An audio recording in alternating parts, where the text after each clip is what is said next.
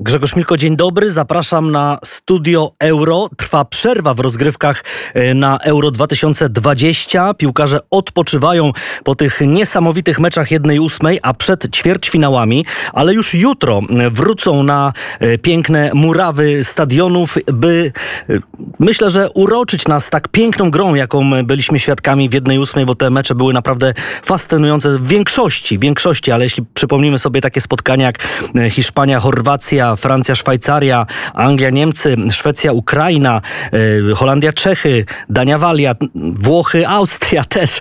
No myślę, że wszystkie były niezwykle, niezwykle pasjonujące. A w ćwierćfinałach jutro od godziny 18 w Sankt Petersburgu Szwajcaria zmierzy się z Hiszpanią. E, od 21 w Monachium Belgia zagra z Włochami i następnego dnia pojutrze najpierw o 18 w Baku Czesi zagrają z Danią, a Anglicy o 21 pierwszej w Rzymie e, z Ukrainą. No i to będzie ciekawe, bo Anglicy będą musieli opuścić Londyn, pewnie już to zrobili i Wembley, które takim bardzo dobrze służy, gdzie wygrywają swoje mecze seryjnie. Zresztą Włosi podobnie opuścili Rzym i udadzą się do Monachium, no ale myślę, że w, w przypadku tak świetnych drużyn miejsca akurat akcji nie ma większego znaczenia, liczy się forma e, na boisku. Cały sportowy świat śledzi zmagania na euro, już niestety bez udziału naszej reprezentacji, ale to już myślę, że też jest temat y, wałkowany i tak przegadany. Może rzeczywiście nie do końca, bo to będzie wracało, dlaczego było, dlaczego było tak źle. No ale też cieszmy się piłką, cieszmy się urodą piłki i tym pięknem e, innych drużyn, innych reprezentacji. E, wczoraj w godzinnej audycji e, studia Euro, między innymi gościem właśnie wieczoru był Tomasz Golob, nasz Fantastyczny żużlowiec, chyba najlepszy w całej historii. Mistrz świata z 2010 roku, indywidualny, ale także sześciokrotny mistrz świata z drużyną biało-czerwoną. Piąty sportowiec w historii polskiego sportu, wybrany na gali stulecia przeglądu sportowego. No to wielkie uznanie dla klasy e, pana Tomasza. A że Tomasz Golob jest byłym żużlowcem, dziś ekspertem, to wiemy, ale też yy, wiadomym jest, że interesuje się bardzo innymi dyscyplinami. Sam miałem okazję kiedyś zobaczyć, jak pięknie grał w hokeja na lodzie, co akurat w Bydgoszczy jest bardzo popularne, tam yy, gdzie Właśnie Tomasz Golob y, szlifował swoją formę y, żużlową, gdzie startował jeszcze wtedy w Polonii y, Bydgoszcz. Też bardzo dobrze mm, grał w piłkę, z tego, z tego co wiem, co pamiętam. No i naprawdę można by było godzinami z Tomaszem Golobem rozmawiać o futbolu, o piłce, bo ma wiedzę ogromną, przeogromną i właśnie tą wiedzą się wczoraj ze słuchaczami, z kibicami podzielił. Posłuchajmy, Tomasz Golob. No rzeczywiście, jak mały chłopiec e, grałem też w piłkę i to taki epizod sześcioletni. A jeśli chodzi o euro, no, ostatnie, os, o, ostatnie mecze są fantastyczne. Dramaturgia do e, wręcz do e, goli, do, do karnych, które są e, że tak powiem, strzelane. Grupa śmierci, grupa, nie wiem jak to już nazwać, grupa najlepszych zespołów, która tak naprawdę też odpadła. Od, odpada z drużynami, które E, okazuje się, że nie były gorsze, e, może, może nawet i trochę lepsze. E, no oczywiście nie mówiąc o, o, o, o naszym, tak, o naszej kadrze polskiej, która, że tak powiem, też sobie nie poradziła. Fantastyczne zawody w różnych regionach, miastach świata. No te, teraz są takie, już można powiedzieć, mecze, które są rozgrywane i śmierć natychmiast, czyli jeżeli się nie wygrywa meczu, to odpada się e, i jedzie do, do domu. No, mm, no to tyle na temat wstępu. Tak, no właśnie, bo ja chcę spytać o ten wczorajszy nieprawdopodobny mecz Szwecja-Ukraina. Ukraińcy strzelają zwycięskiego gola już w, w, ostatniej minucie tego doliczonego czasu gry, gdzie wszyscy już chyba czekamy na rzuty karne. Pan dobrze zna Szwedów, jeździł tak. pan w Wastervik wiele lat, jeździł pan na zawodach w Szwecji. Szwedzi są tacy raczej zimni. Czy tego właśnie tej, mm, tego takiego chłodnego y, jakby wyczucia nie zabrakło im w, ta, w tej samej końcówce? No ja byłem w szoku, że oni dopuścili dopuścili do takiej sytuacji, że dali sobie Ukraińcom strzelić gola w takich właśnie okolicznościach? Okazało się, że Ukraińcy nic nie są gorsi od Szwedów czy od innych e, drużyn, a Szewczenko, który wczoraj niemal e, grał razem z nimi e, z boku mu, murawy i dopingował. No, było to mm, fantastyczne i miło było wi widać, jak wszyscy wspólnie pracują. Jeśli chodzi o Szwedów, to tak, rzeczywiście to jest, to jest naród zimny. Nie, oczywiście nie chodzi o życie, ale zimno, na zimnym wychowany, na pewno uznają twardą grę i grę do końca. Rzeczywiście w tych, tych 90 minutach e, parę zespołów strzeliło e, gole, gdzie stracili wejście, awans, czy też e, musieli mieć dogrywkę. No to jest, to mogę powiedzieć, że, że to jest dla, takiej, dla takiego ze- zespołu, który walczy dwa razy po 45 minut i ma dogrywkę, to to jest, to to jest tragedia. E, Stracić bramkę w 90 minucie albo na przykład w czasie doliczonym dogrywki. No i jest to tak przykre, że wszyscy, którzy pracują, okazuje się, że ta praca przez te mm, ileś minut e, poszła, że tak powiem, na marne i nie, nieraz to zależy od, od zawodnika, od obrońcy, od bramkarza, czy też od tego, który strzela karnego. Mam tutaj na myśli Mbappé, który, że tak powiem, no, cały świat i Francja trzymała za niego kciuki, a jednak się nie udało w podoliczonym czasie w karnych. Więc y, to jest, y, no, nikomu tego nie życzę, y, żeby przeżył, bo, bo to prowadzi do e, takiego nawet wręcz przełamania. Oczywiście przez jakiś czas, bo, bo ci zawodnicy muszą się podnieść, ale to też świadczy o tym, że na jakim wyczerpaniu są. Oni grają w, w poważnych klubach, w potężnych e, ligach świata mm, i zjechali się, by bronić barw narodowych i być mistrzami Europy, więc e, to też pokazuje jakie wycieńczenie tych zawodników już w ostatnich minutach, gdy patrzę na każdy mecz, to ci zawodnicy naprawdę e, no, szukają rezerw, e, żeby jeszcze pobiec do tych, e, do, do, do przeciwnika, czy do, e, do piłki, czy też obronić. E, No, zdarza się to w sytuacjach, w których już każdy jest wyczerpany, a jeden, kto przykłada nogę do piłki, trafnie strzela i tym sposobem albo ratuje wynik, albo też daje awans drużynie, tak jak właśnie to było między Szwecją a Ukrainą. Można by powiedzieć tak, Ukraińcy y, no, będą mieli duże kłopoty, tak, y, przed, roz, przed, roz, przed rozrywkami. Tak naprawdę no, nie ma y, zbyt takiego większego szczęścia w, na, w narodzie na tę chwilę, a jednak się okazuje, że sportowcy, którzy grają w różnych ligach świata, potrafią się zjednoczyć, potrafią dla swojego kraju, dla kibiców zagrać i awansować do e, półfinałów. Tak? No właśnie, Półfinały. No wielka rzecz. Ja mam, pan, rzecz. ja mam, panie Tomaszu, takie pytanie. Pan był mistrzem świata indywidualnie, ale sześciokrotnie też mistrzem świata w drużynie. Mm, I jak to jest właśnie reprezentować barwy narodowe? No bo tak, patrząc na polskich piłkarzy, to ja wiem, że oni bardzo chcieli, ale, ale chyba nie, nie umieli. Ale to, to niesie, to, że, jest, to, że się gra dla, dla ojczyzny, dla, dla narodu, gdzie miliony rzeszek kibiców oglądają, tak jak pan był kapitalnym żużlowcem, czy, czy teraz te reprezentacje narodowe, to rzeczywiście jest trochę inny wymiar niż jakby ta rywalizacja w klubach? Na pewno tak. Indywidualne mistrzostwo świata to tak jakby dla zawodnika indywidualnie. Oczywiście kibice kibicują, y, czy kraj też trzyma kciuki. Natomiast gdy się gra drużynowo, jeździ, czy też gra w y, drużynie, to y, ma się na, znaczy cały czas jest myślę, że gramy dla nie dosyć dla kraju, ale też dla, dla rzeszy kibiców całego kraju, bo przecież ten, ta piłka europejska czy światowa to miliony, jak nie miliardy oglądają na świecie czy w Europie.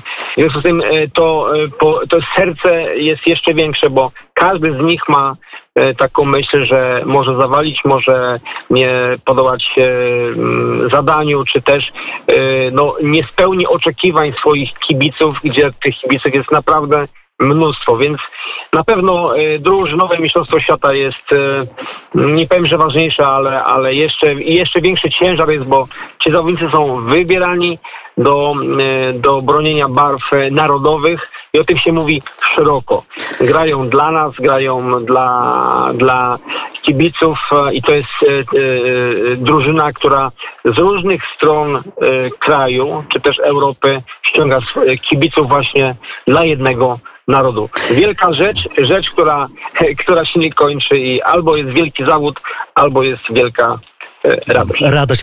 Panie Tomaszu, i tak na koniec po piłkarsku chciałem spytać, Komu pan kibicuje, to jest jedno, ale też kogo pan widzi w roli no, kogoś takiego, kto może po prostu wygrać to euro, bo rzeczywiście te reprezentacje odpadają ci wielcy, Francuzi, Niemcy, Portugalia, teraz tak. z kolei Szwecja, e, Holandia wcześniej, mamy niespodzianki, bo mamy przecież Czechów, Duńczyków, no to Ukraińców dzielnych, nieprawdopodobnych, ale pana taka jakaś sympatia może teraz, którą drużyną narodową jest?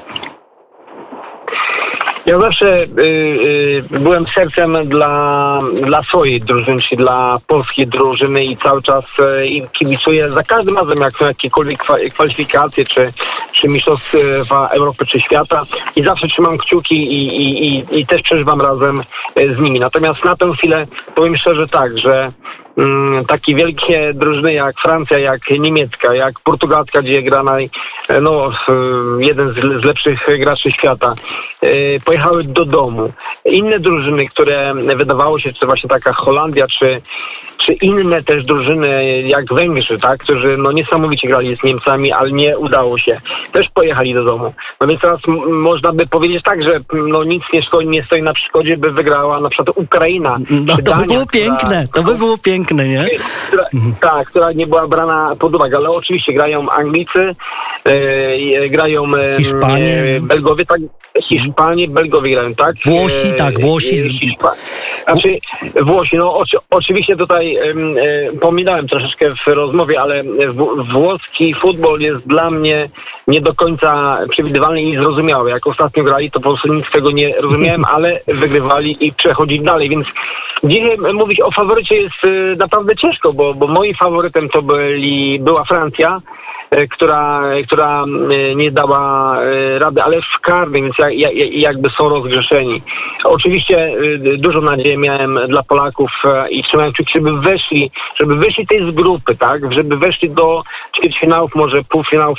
Strasznie liczyłem na to i, i, i, i razem z nimi grałem. A w tym momencie, jaki jest mój faworyt? No, jeżeli, powiem tak, je, jeżeli Czesi o, ogrywają e, wielkie drużyny, jeżeli Ukraina wczoraj wygrała ze Szwecją, jeżeli Dania poradziła sobie z, e, z dobrą drużyną, jak nie bardzo dobrą, Niemców już nie ma, no to umówmy się, że jeżeli, e, jeżeli Hiszpanii nie dadzą rady, czy też, e, no powiedzmy, kto tam jeszcze, Anglicy, mhm. no to będzie znak, to będzie znak zapytania, czy zmiana czy zmiana, y, y, że tak powiem, wśród zawodników, czy y, rzeczywiście gra mnóstwo innych zawodników, nowych, świeżych, młodych i tutaj jakby przewidywanie, czy mówienie o nich jest, jest znakiem zapytania, bo może dobrze grać albo, albo, albo słabo. Więc ja zostanę przy tych zespołach, które są takie, które mają markę i mam tutaj na myśli Hiszpanię